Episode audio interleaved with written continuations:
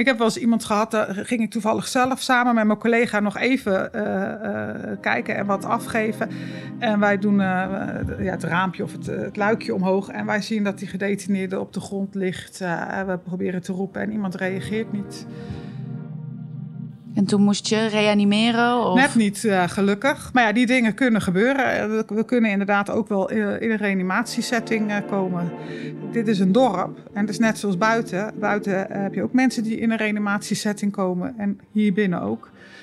Uh, ja, helaas komt dat voor. En we doen ons uiterste best om dan nou ja, het te laten slagen. Ja, ja.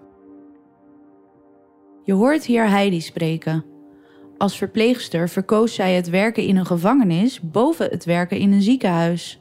Een interessante keuze, denk ik. Dit is Achter het Verhaal Achter de Tralies, een podcast van het AD. Ik ben Serena Hofman en samen met mijn collega Dija Kabba neem ik in dit seizoen een kijkje achter de tralies van de penitentiaire inrichting in Alfa aan de Rijn. Om een idee te krijgen van het dagelijks leven in de baaiers. Ben je wel eens bang? Nee, bang niet, wel bewust van het gevaar. Ook in films houdt het vaak aan het eind op als de bad guy zeg maar achter de tralies zit. Terwijl hier begint het dan pas. Iedere drugsverslaafde snapt dat wij geen heroïne hier in de gevangenis hebben. Maar in de Alphense gevangenis is ruimte voor maximaal 1350 gedetineerden. Verspreid over de verschillende afdelingen worden zij dagelijks gehandhaafd, begeleid en ondersteund door zo'n 800 werknemers. Maar waarom kies je ervoor om te gaan werken in een gevangenis? En hoe is het om elke dag om te gaan met verdachten en veroordeelde criminelen? Om hierop antwoord te krijgen spraken we met verschillende werknemers. We begonnen bij Janneke, plaatsvervangend vestigingsdirecteur van de PI Alphen. Wat zijn je taken precies? Mijn taken? Nou, dat is een heel pakket. Eigenlijk ben ik um, ja, gewoon een, een manager uh, van een groot bedrijf, een 24-uursbedrijf. Uh, maar het verschil met ieder regulier bedrijf is misschien wel dat, um, ja, dat je hier ook nog een heleboel andere rollen vervult. Je bent ook elke dag uh, een soort advocaat, een soort burgemeester, soms ook een soort moeder. je hebt heel veel rollen in de inrichting die aanvullend zijn op dat je manager bent. Nou kun je overal manager zijn. Waarom ben je hier manager? Ik ben onder andere hier manager omdat je hier in tegenstelling tot andere organisaties zo dicht op, um, op de gedetineerden zit ook. Ik vind het heel bijzonder dat ga bij ieder bedrijf werken en naarmate je hoger komt in het bedrijf, kom je verder van de werkvloer af te staan. En hier is het zo dat je, doordat de wet, de penitentiaire beginselenwet, een aantal dingen ook voorschrijft die je als directeur moet doen, behoud je heel nauw contact met de gedetineerde. Dus bijvoorbeeld op het moment dat je, uh, dat je maatregelen moet nemen om iemands vrijheid in te perken, dan ga je die persoon altijd eerst horen om ook zijn kant van het verhaal uh, te horen. En dat zijn momenten waarop je contact hebt, uh, wat denk ik uniek is aan, aan zo'n functie. Is dat ook jouw motivatie? Ja, nou, ik, ik heb ooit. Mijn motivatie die, die heeft een heleboel kanten wel. Maar ik heb ooit ook een, uh, een scriptie geschreven over gevangenisarbeid een hele tijd geleden. En ik merkte toen dat het mij ook intrigeerde dat er hier mensen zijn die uit de samenleving zijn gehaald. En die er toch weer in terug moeten komen. En ik vond het heel gaaf dat via die arbeid ze eigenlijk een bijdrage konden leveren aan belangrijke processen ook in de samenleving. En ik denk dat dat me oorspronkelijk motiveerde. En, en nu ook om inderdaad mensen in de ogen te kijken en te, te zien van wat kan ik nou doen om te zorgen dat je hier niet meer terugkomt. Want dat is natuurlijk ook, ook een verschil met alle andere organisaties. Normaal gesproken wil je klanten graag terugzien en uh, hier echt niet. Je zei net ook, soms ben je een moeder. Ja. Soms heb je ook heel moederlijke gesprekken inderdaad met gedetineerden. Als ik zie dat iemand um, zich heel erg heeft misdragen. Maar ik krijg al van het personeel te horen van ja, hij zit eigenlijk ook niet lekker in zijn vel. Um, hij heeft net slecht nieuws gehad. Um, ja, dan zijn dat ook momenten dat je een gesprek voert met iemand waarbij je niet alleen maar uh, ja, de rol aanneemt van ik, ik ga nu heel formeel een sanctie opleggen, maar waarbij je ook het gesprek aan kunt gaan van hé, hey, wat, wat gebeurt hier nou eigenlijk en hoe kunnen we nou zorgen dat we ja, een ander pad inslaan? Want niemand heeft er wat aan als we straf op straf stapelen. Um, dat is een korte termijn oplossing, terwijl op de lange termijn heeft iemand het soms ook gewoon nodig om even gehoord te worden of erkend te worden. Um, en dat zijn momenten waarop je ook soms een heel moederlijk gesprek hebt. Uh, ja, je moet een soort sociaal, echt een heel sociaal dier zijn om hier te werken. Dat vind ik altijd wel bijzonder, want een sociaal dier zijn en een gevangenis, ja, dat, het, het lijkt zo'n contrast. Ja, ik denk dat dat komt doordat als mensen aan gevangenissen denken, dan denken ze aan films en series en dan zien ze uh, bewaarders voor zich met grote sleutelbossen en tralies en uh, dichtslaande deuren. En dat zijn allemaal dingen die tot op zekere hoogte wel kloppen, maar die uiteindelijk niet helpen om iemand terug te brengen naar de samenleving. Ook in films houdt het vaak aan het eind op als, als de, de bad guy zeg maar achter de tralies zit, dan is het afgelopen en dat is het dan. Terwijl hier begint het dan pas. En uh, dan moet je toch echt iets anders doen dan alleen maar uh, een deur dichtgooien, want daarmee help je echt iemand niet op pad. Toch kan ik me wel voorstellen dat het niet makkelijk is om te werken in een omgeving waarin je zelf ook letterlijk opgesloten bent. We spraken hierover met penitentiair inrichtingswerker Roberts. Hij is mentor van vier gedetineerden. Deze mannen kunnen dus met alles bij hem terecht. En nou zeg jij van ja, het constant werken met gedetineerden en je moet wel op scherp staan. Uh, wij zijn, uh, en ik zijn nu uh, natuurlijk elke keer een paar dagen, nou ja, best wel gedurende wat uurtjes hier binnen. Um, natuurlijk, je ziet wel, hè, er zitten hier bijvoorbeeld ook tralies voor de ramen. Dus wij zijn ons wel constant van bewust dat we echt in een gevangenis zijn. En ja, soms voelen we dat ook wel een beetje, hè, dat, het, dat het toch wel, um, nou, soms een wat, wat minder vrolijke uh, plek is dan bijvoorbeeld een, uh, een ander soort kantoor, noem ik het maar eventjes, hè, een werkplek. Um, waarom vind jij het dan toch zo um, leuk eigenlijk om met gedetineerden te werken? Want het, het lijkt me best zwaar, of zie ik dat verkeerd? Nee, het is ook best zwaar. Je hebt te maken met heel veel verschillende uh, persoonlijkheden, verschillende achtergronden. Um, daarmee moet je ook rekening houden, maar dat maakt het werk ook heel divers. Um, ons werk is absoluut niet saai te noemen. En ja, dat spreekt mij heel erg aan. Uh, ik begrijp wel wat jij zegt. Ja, zodra je hier binnenkomt, dan ben je ook echt in een gevangenis, want overal zitten tralies. Um, daar moet je wel tegen kunnen. Want wij zijn ook opgesloten de, gedurende onze dienst. Wij komen om zeven uur binnen. En dan zien wij eigenlijk hetzelfde wat de gedetineerde ook de hele dag ziet. En wij gaan om vijf uur naar buiten en dan heb je geen tralies meer om je heen. En dan ja, besef je wel dat de gedetineerde dan ook echt vast zit.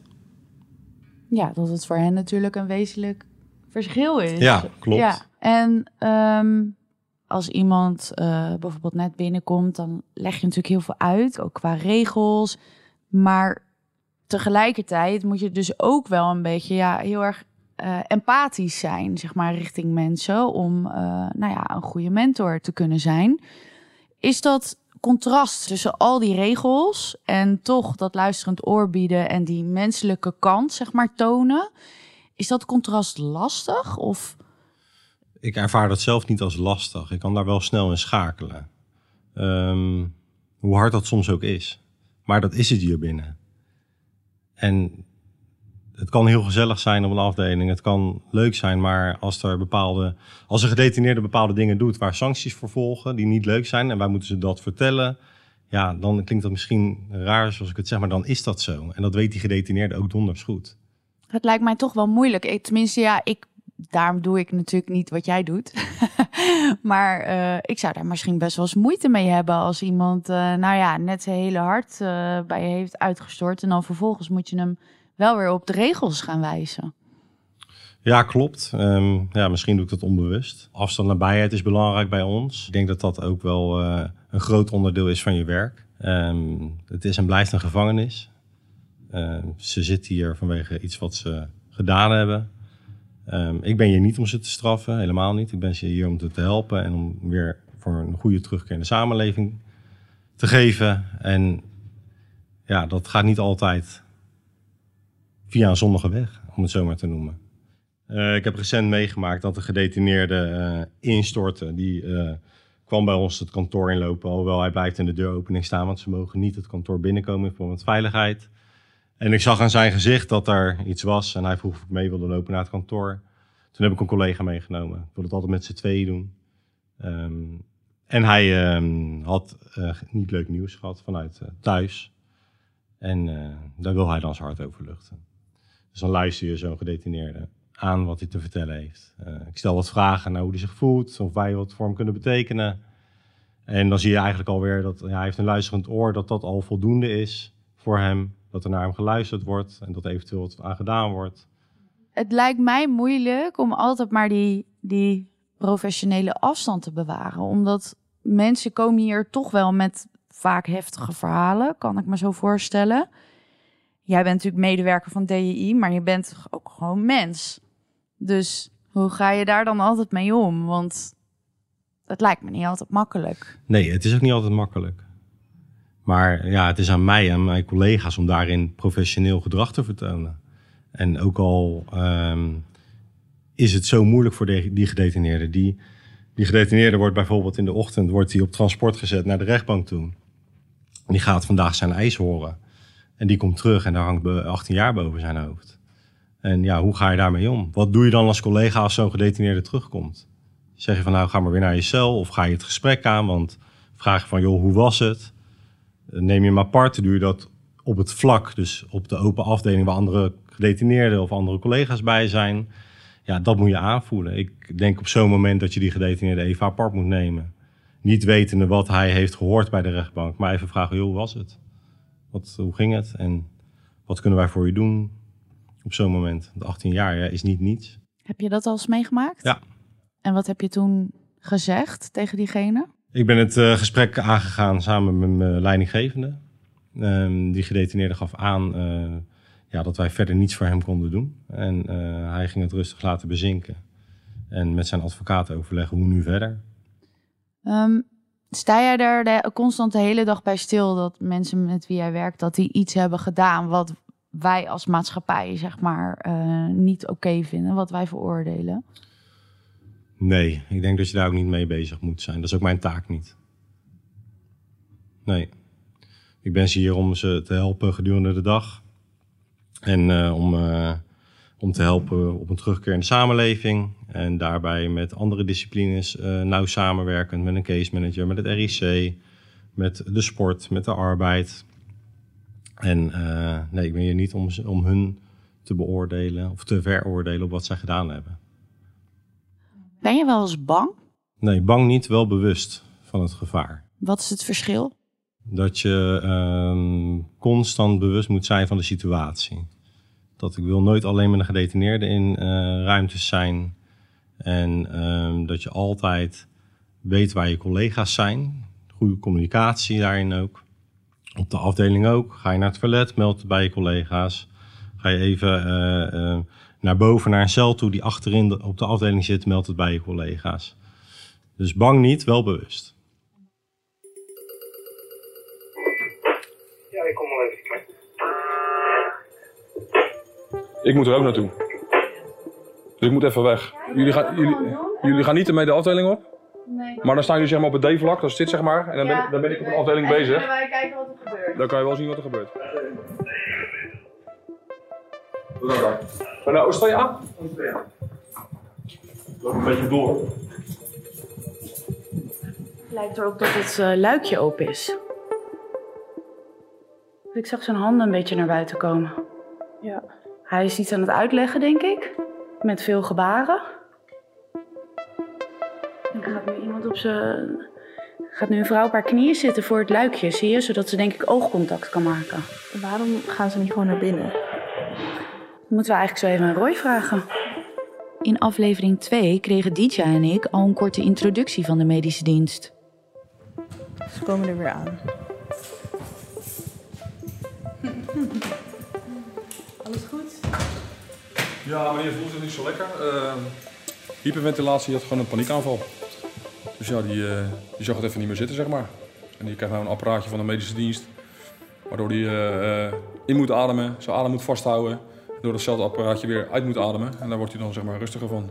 Hij krijgt te veel zuurstof binnen volgens de medische dienst. Dus daarom krijgt hij een beetje ventilatie. Maar je ziet dat eh, het luikje is weer dicht. We wilden graag nog even doorpraten over deze ervaring. En zo kwamen we in contact met Heidi. Wij waren hier een keer s'avonds. En toen liepen we mee met, uh, met Roy, beveiliger. Ehm, er was dus uiteindelijk een meneer die had last van hyperventilatie.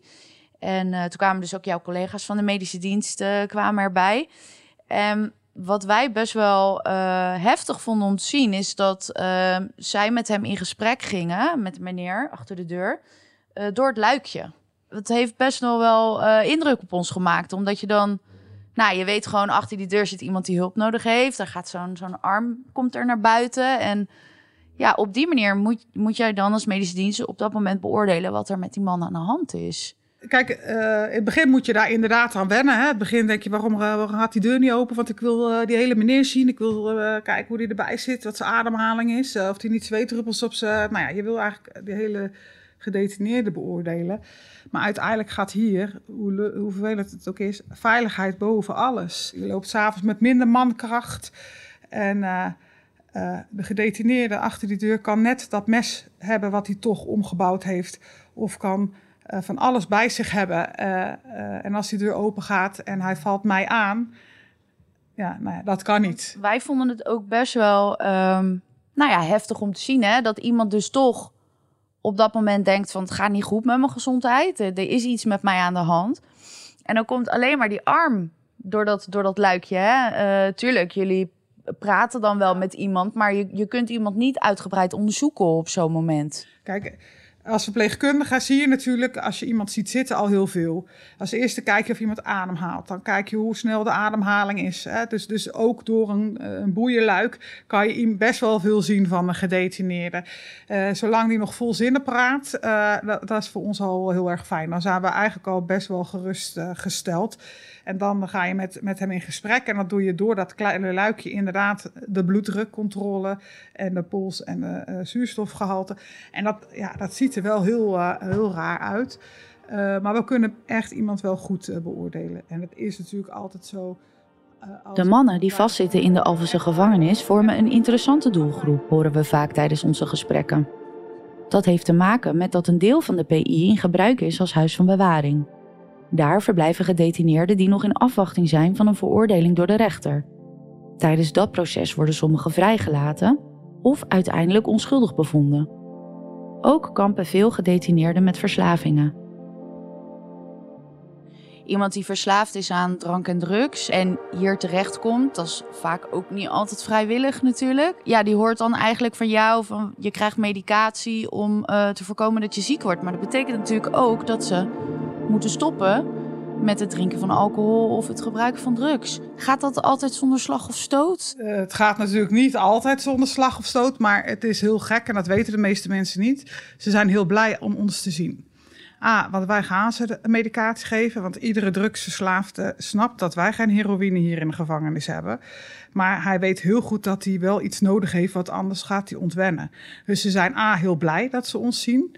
Soms is het wel zo dat ze wat ongeduldig zijn, dus dat ze denken dat we gelijk wat kunnen geven. Maar ook wij moeten eerst goed inzicht krijgen hoeveel gebruikt men, wat staat daar tegenover. We overleggen altijd met een arts en als die zegt van dit mag je die meneer geven, dan geven we dat. En dan gaat hij zich beter voelen. Ik kan me voorstellen dat het best wel wat met je doet. Ja, soms wel. Ja, we zijn allemaal mensen en we hebben allemaal, uh, soms wel eens, uh, heb ik was iemand aan de tafel, heb ik inderdaad medelijden bij. Maar dan probeer ik toch die knop om te zetten en van ja, ik ga nu hem ook helpen en ik kan doen wat ik ga doen wat ik nu kan uh, doen in die periode.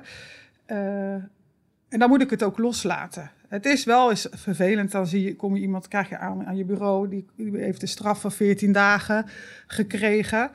Uh, en je weet, als, je, als hij na 14 dagen weer uh, naar buiten gaat, dan gaat hij toch weer naar de Albert Heijn en koopt hij toch dat, uh, dat biertje. Of gaat hij toch weer naar zijn dealer en koopt daar zijn drugs weer. Want als hij dat niet doet, dan wordt hij ook ziek. Want ze hebben buiten niet altijd een dokter waar ze naartoe kunnen of de hulp. Dus ja, je weet dat dat gebeurt. je kan niet alle, alle problemen van de wereld oplossen, maar je kan wel kijken wat iemand op dat moment nodig heeft. Dat is ook goede zorg. In de volgende aflevering, nu en straks, ontmoeten we Karim. Nu nog gedetineerd, maar als alles goed gaat, mag hij straks naar huis. Dit is Achter het Verhaal, Achter de Tralies, een podcast van het AD. Mijn naam is Serena Hofman, verslaggever van AD Groene Hart. En ik maak deze podcast samen met Dija Kabba, podcaster bij DPG Media. De mixage werd gedaan door Mitchell van Ommeren en de eindredactie door Kevin Goes en Renske Baars. Met dank aan iedereen die heeft meegewerkt aan een interview voor deze podcast. Wil je meer podcasts van het AD luisteren? Abonneer je dan nu via je favoriete podcast-app of ga naar ad.nl/podcast.